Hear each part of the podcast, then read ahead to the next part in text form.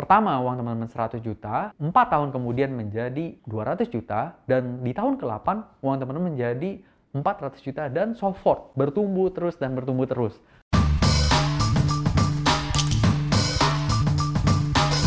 Hai folks, hari ini bersama saya kembali, Vincent, salah satu narasumber di Finvok Money. Nah, di episode kali ini kita mau belajar uh, salah satu jurus mengenai Rule of 72, 72.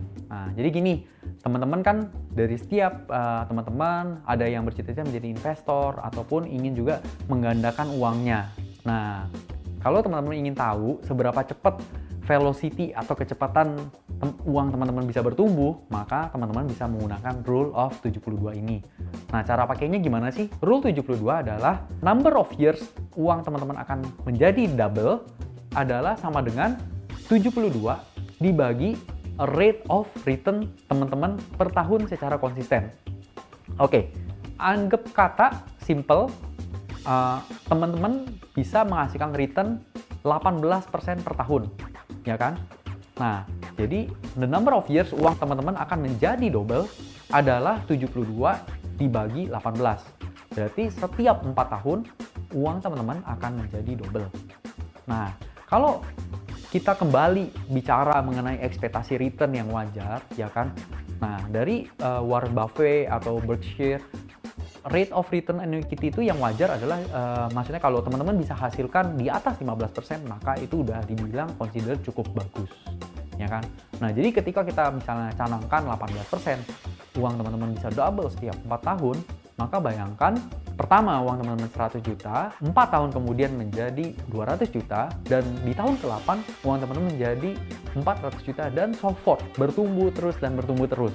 Nah, maka ketika teman-teman tahu rate of return teman-teman yang konsisten, maka teman-teman bisa mengalokasikan itu dengan cukup optimum.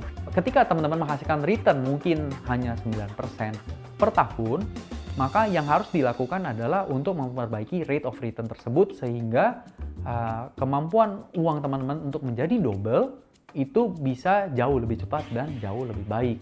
Nah, jadi rumus simple ini mohon uh, teman-teman catat sehingga ketika teman-teman mau mengevaluasi suatu bisnis, bisnis prospek ataupun uh, saham, nah teman-teman bisa ukur apakah saham ini cocok dengan rate of return yang teman-teman inginkan instrumen ini cocok atau ada instrumen lain yang lebih cocok untuk teman-teman. Nah, jadi kita bisa sesuaikan ekspektasi return dengan potensi risknya juga. Oke, okay? apa pun instrumennya, sesuaikan, adjust your risk dan reward ratio, dan happy cuan. Halo Fox, gue mau ingetin ke kalian kalau podcast Stockpot ini bukan sebagai ajakan investasi ataupun rekomendasi saham tertentu. Podcast Stockpot hanya sebagai podcast edukasi untuk membantu Fox dalam belajar lebih jauh mengenai investasi dan juga financial market.